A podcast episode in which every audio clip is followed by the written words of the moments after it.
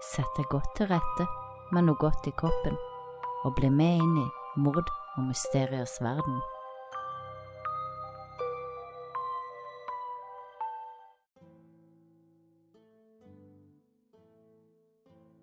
Hei og velkommen til en ny episode av Mord og mysterier. Nå er jo påska over, og da er det jo herlig å sette i gang igjen med hjemmeskole. Uh. Men sånn er det. Det er spesielle tider vi er inne i, så vi får bare gjøre det beste ut av det. I dag så skal jeg fortelle om to mystiske forsvinninger som skjedde i 2014 og 2006. Først så går turen til en som heter Lars Midtank, som ble født 19.2.1986 i Tyskland. Lars vokste opp i en god familie og var en kjekk, mørkeblond 28-åring. Han elska fotball, fest og damer. Og sommeren 2014 så reiste den da 28 år gamle Lars til Bulgaria sammen med noen av kompisene sine. Turen gikk til Golden Sands, en festglad by rett ved havet, ikke så ulikt Ibiza. 30. juni 2014 så lander kompisgjengen på Varna flyplassen, og forventningene er høye. Guttene sjekker inn på hotellet, og de neste dagene så lever guttene det glade liv med soling, bading, festing, fotball og kvinner. Men seks dager inn i ferien, den 6. juli, så skjer det noe. Etter å ha vært på en av byens fotballpuber og sett en fotballkamp, så drar kompisgjengen som de siste fra utestedet. De går hen til McDonald's for å få seg noe nattmat. Kompisgjengen går inn, men Lars blir stående igjen alene utenfor. Og da vennene kommer ut, så er Lars borte. De begynner straks å leide etter Lars, men de finner han ingen steder. De tenkte at han sikkert hadde gått tilbake til hotellet. Men da de kom til hotellet, så var ikke Lars der heller, så kompisene konkluderte med at Lars hadde møtt ei jente og antageligvis blitt med henne hjem. Og da kompisgjengen våkner neste morgen, så er Lars tilbake på hotellrommet. Men Lars virker stressa, og han forteller kompisene at han hadde blitt banka opp kvelden før av noen Bayern Munich-fans og at disse i tillegg hadde betalt noen russiske eller bulgarske typer for å banke han opp. Kompisgjengen syntes historien hørtes utrolig ut, og de syntes det er rart at de ikke så eller hørte noe da de lette etter han. Men Lars har på dette tidspunktet store smerter i øret, og kompisene tvinger han til å oppsøke legen. Hos legen får Lars påvist en ødelagt trommehinne, men legen forsikrer Lars om at han fint kan fly hjem som planlagt men Lars bestemmer seg likevel for å ikke fly hjem til planlagt tidspunkt, av frykt for å tilføre mer smerter i øret. Kompisene tilbyr seg å bli igjen med han og vente noen dager, men Lars forsikrer de om at det ikke er nødvendig, og kompisene tar derfor flyet hjem som planlagt, mens Lars blir igjen alene på hotellet. Samme dag som kompisene flyr hjem, så får Lars utskrevet antibiotika av legen, Cefuroxim 500. Denne medisinen gir sjelden bivirkninger, men det kan forekomme om man kombinerer det med alkohol eller rus. Men seinere på kvelden får plutselig mora til Lars flere tekstmeldinger fra sin sønn, som umiddelbart gjør henne bekymra. Han skriver at det er noe rart med hotellet han bor på. Han gir uttrykk for å være svært redd, og ber mora sperre bankkortet hans. Litt etter det så ringer han mora si og sier at han gjemmer seg for fire personer som følger etter han, men før mora får sagt noe, så legger Lars på og litt etter dette får mora nok ei tekstmelding fra Lars. Denne gangen så lurer han på hva Cefuroxim 500 er for noe, antibiotikaen som legen hadde skrevet ut. Lars skriver igjen til sin mor og sier han vil reise hjem så fort som mulig, så mora booker en flybillett til ham til tidlig neste morgen. Lars ankommer flyplassen i en taxi rundt klokka seks om morgenen. Han har på seg gul T-skjorte, sorte shorts og hvite joggesko, og med seg har han bagasjen. Idet Lars ankommer flyplassen, kan man se via overvåkningsvideoen at Lars går rolig inn på terminalen. Inne på flyplassen oppsøker Lars legekontoret. Legen som snakker med Lars, beskriver at Lars virker emosjonelt sliten, og mens de to sitter og prater, så kommer plutselig en bygningsarbeider inn på kontoret for å fikse noe. Dette gjør Lars veldig nervøs og urolig, og Lars mumler til legen at han ikke vil dø her. Legen forsøker å roe ned Lars og forklarer at bygningsarbeideren bare skal fikse noe på kontoret hans, men plutselig så reiser Lars seg opp, river opp døra og løper av gårde uten bagasjen sin. På flyplassens kamera kan man se Lars som løper gjennom gangene på flyplassen og ut hoveddøra. Her fortsetter han å løpe videre mot en skog og et gjerde som omringer flyplassen. Alt av penger, pass og bagasje ligger igjen inne på legekontoret. Alt han har, er klærne han gikk i. Siden denne dagen har ingen sett eller hørt noen ting fra Lars, og familie og venner klarer ikke å forstå hva som har skjedd med Lars. Han hadde ingen forhistorie med mentale problemer, og da politiet gikk gjennom bagasjen hans, fant de ingen spor eller tegn til rusmidler. De oppdaga også at antibiotikaen som Lars hadde fått av legen, var uåpna. Så hva skjedde med Lars? Hva fikk Lars til å brått løpe vekk fra flyplassen, og hvor løp han etter at han kom ut av kamerats synsfelt? Det har vært mange teorier, og mange har hevda å ha sett Lars i ettertid. Den mest vanlige teorien er at Lars etter slåsskampen har pådratt seg en hodeskade som gjorde han paranoid og engstelig. Var det virkelig noen som fulgte etter Lars, eller innbilte han seg det hele? Det er ingen som ser ut til å følge etter han på videoen fra flyplassen. Og hvis han løp redd ut i skogen og døde der, hvorfor har Lars aldri blitt funnet? Og hvis Lars hadde en hodeskade utover en ødelagt trommehinne, hvorfor oppdaga ikke legen det? Ble han i det hele tatt undersøkt for hodeskader? Og hvem var disse folkene som banka han opp, og hvorfor banka de han opp? Hva skjedde egentlig i de minuttene han sto alene utenfor McDonald's mens kompisene handla seg mat? Politiet har søkt etter han flere ganger, både til fots og i luften, med og uten hunder, men ingen spor har vært å finne. Å overleve uten penger i kun klærne han gikk i, er vanskelig å se for seg.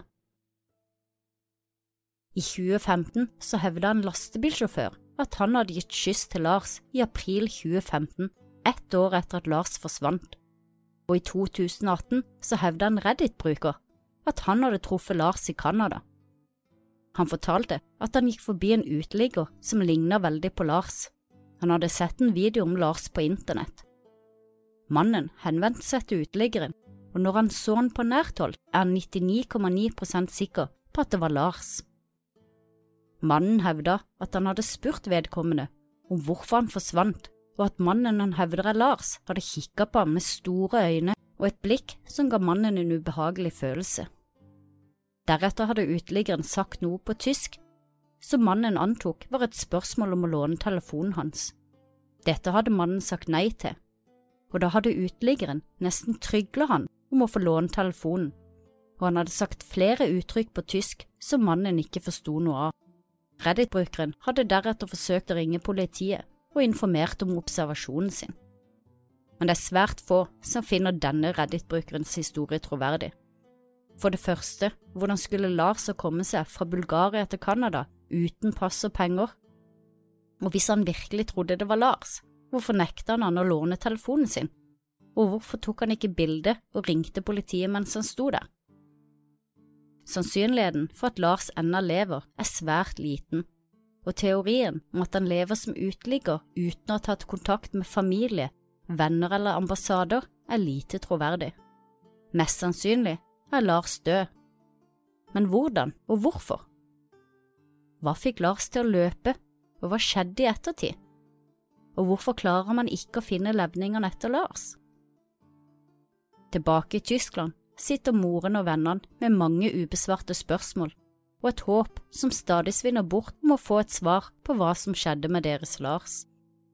Jeg legger en link til overvåkningsvideoen av Lars i beskrivelsen, så kan du sjøl se hva som skjedde på flyplassen. Hva tror du skjedde med Lars?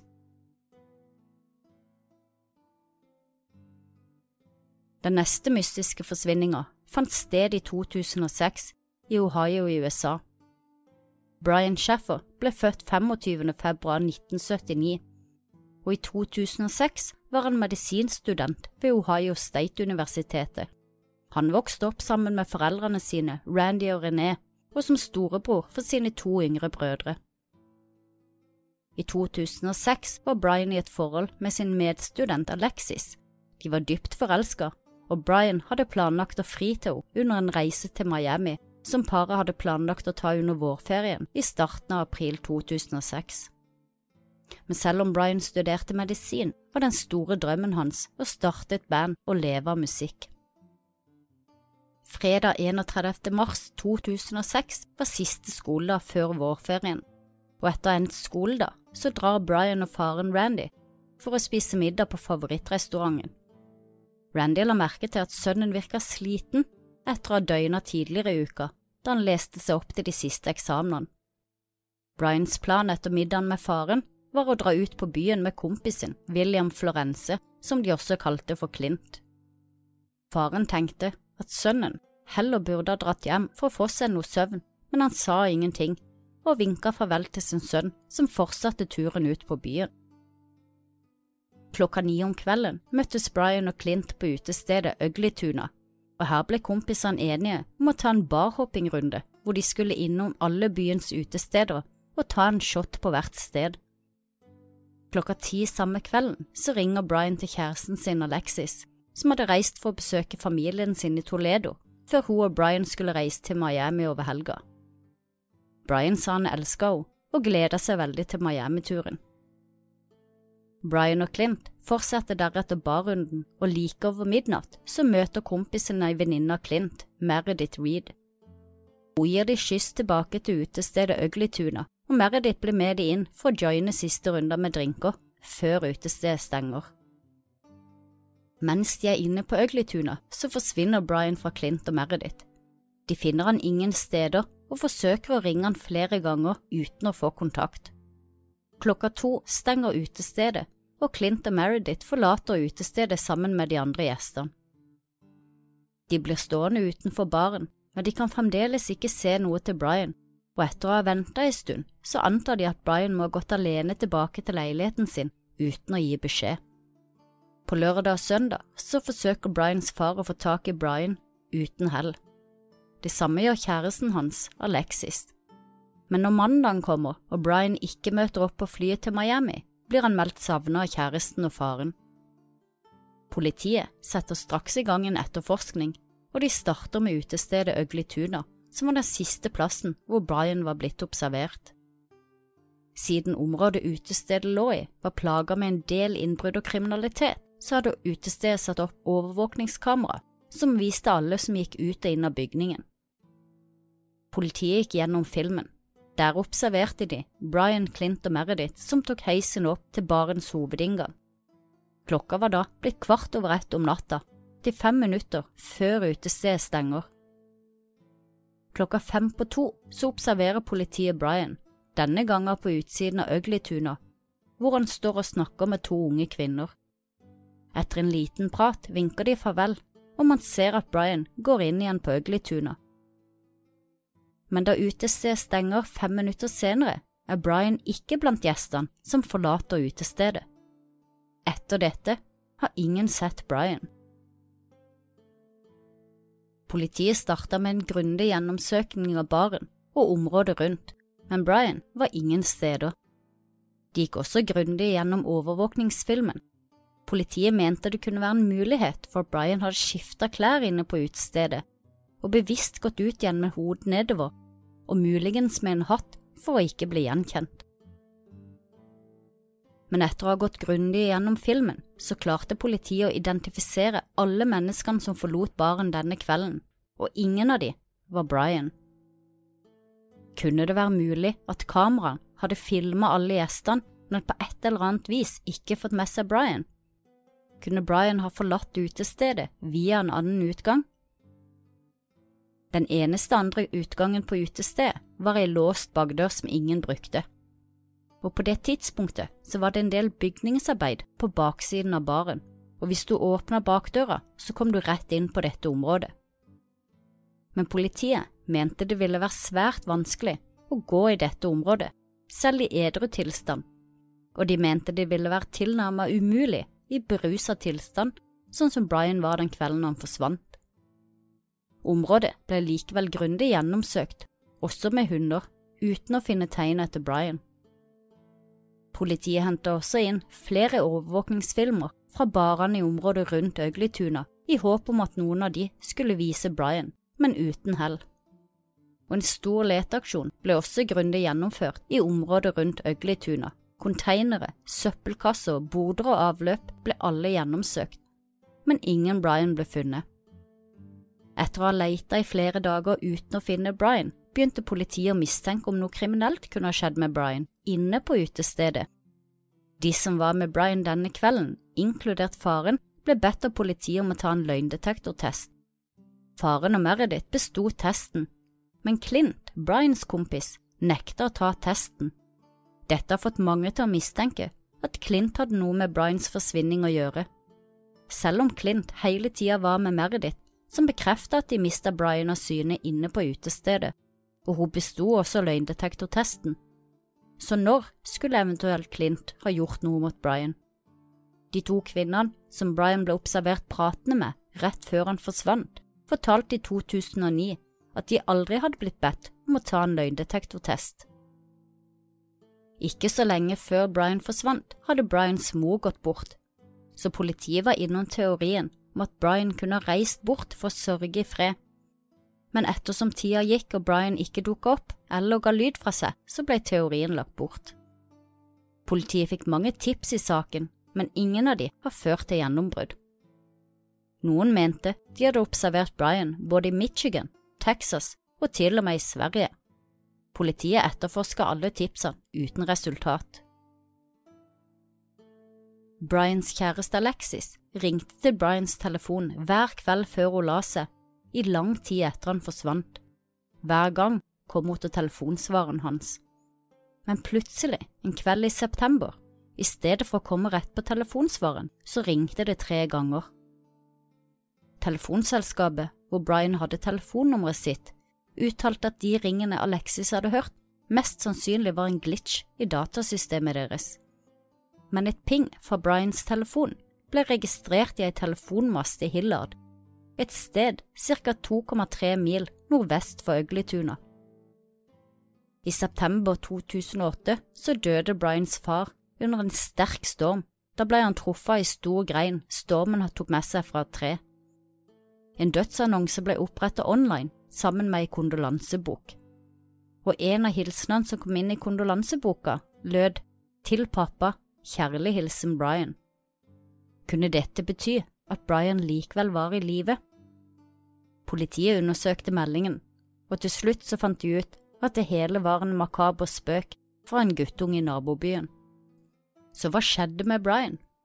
Hvordan kan en mann gå inn på et utested og aldri komme ut igjen og aldri bli funnet? Er det mulig at han fremdeles er i live?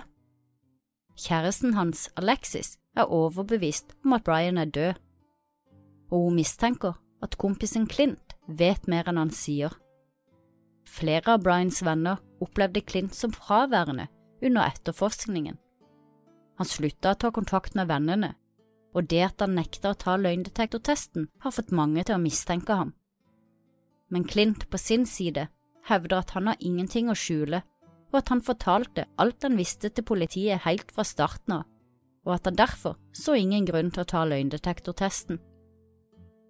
Det vi vet med sikkerhet, er at Brian var utenfor Ugly-tuna fem minutter før utestedet stenger, og at han gikk inn igjen på Ugly-tuna rett før stengetid.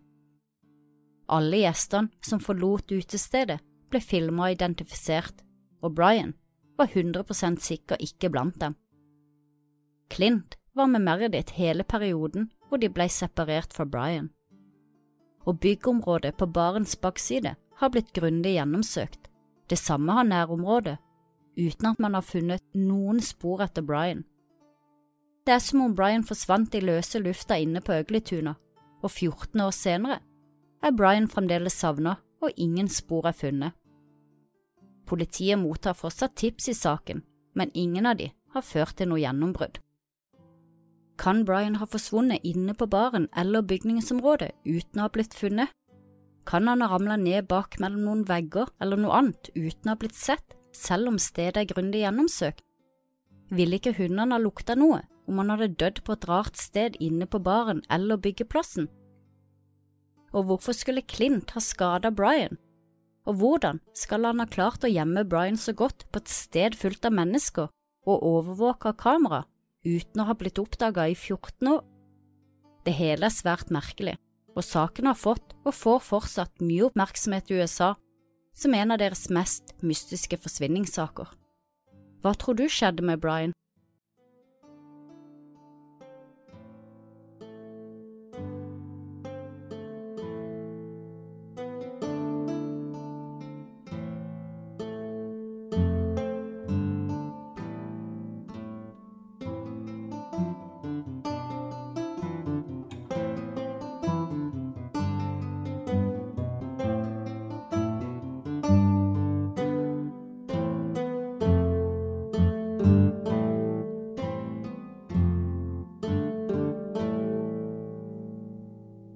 Har du et enkeltpersonforetak eller en liten bedrift? Da er du sikkert lei av å høre meg snakke om hvor enkelt det er med kvitteringer og bilag i fiken, så vi eh, gir oss her, vi. Fordi vi liker enkelt. Fiken superenkelt regnskap.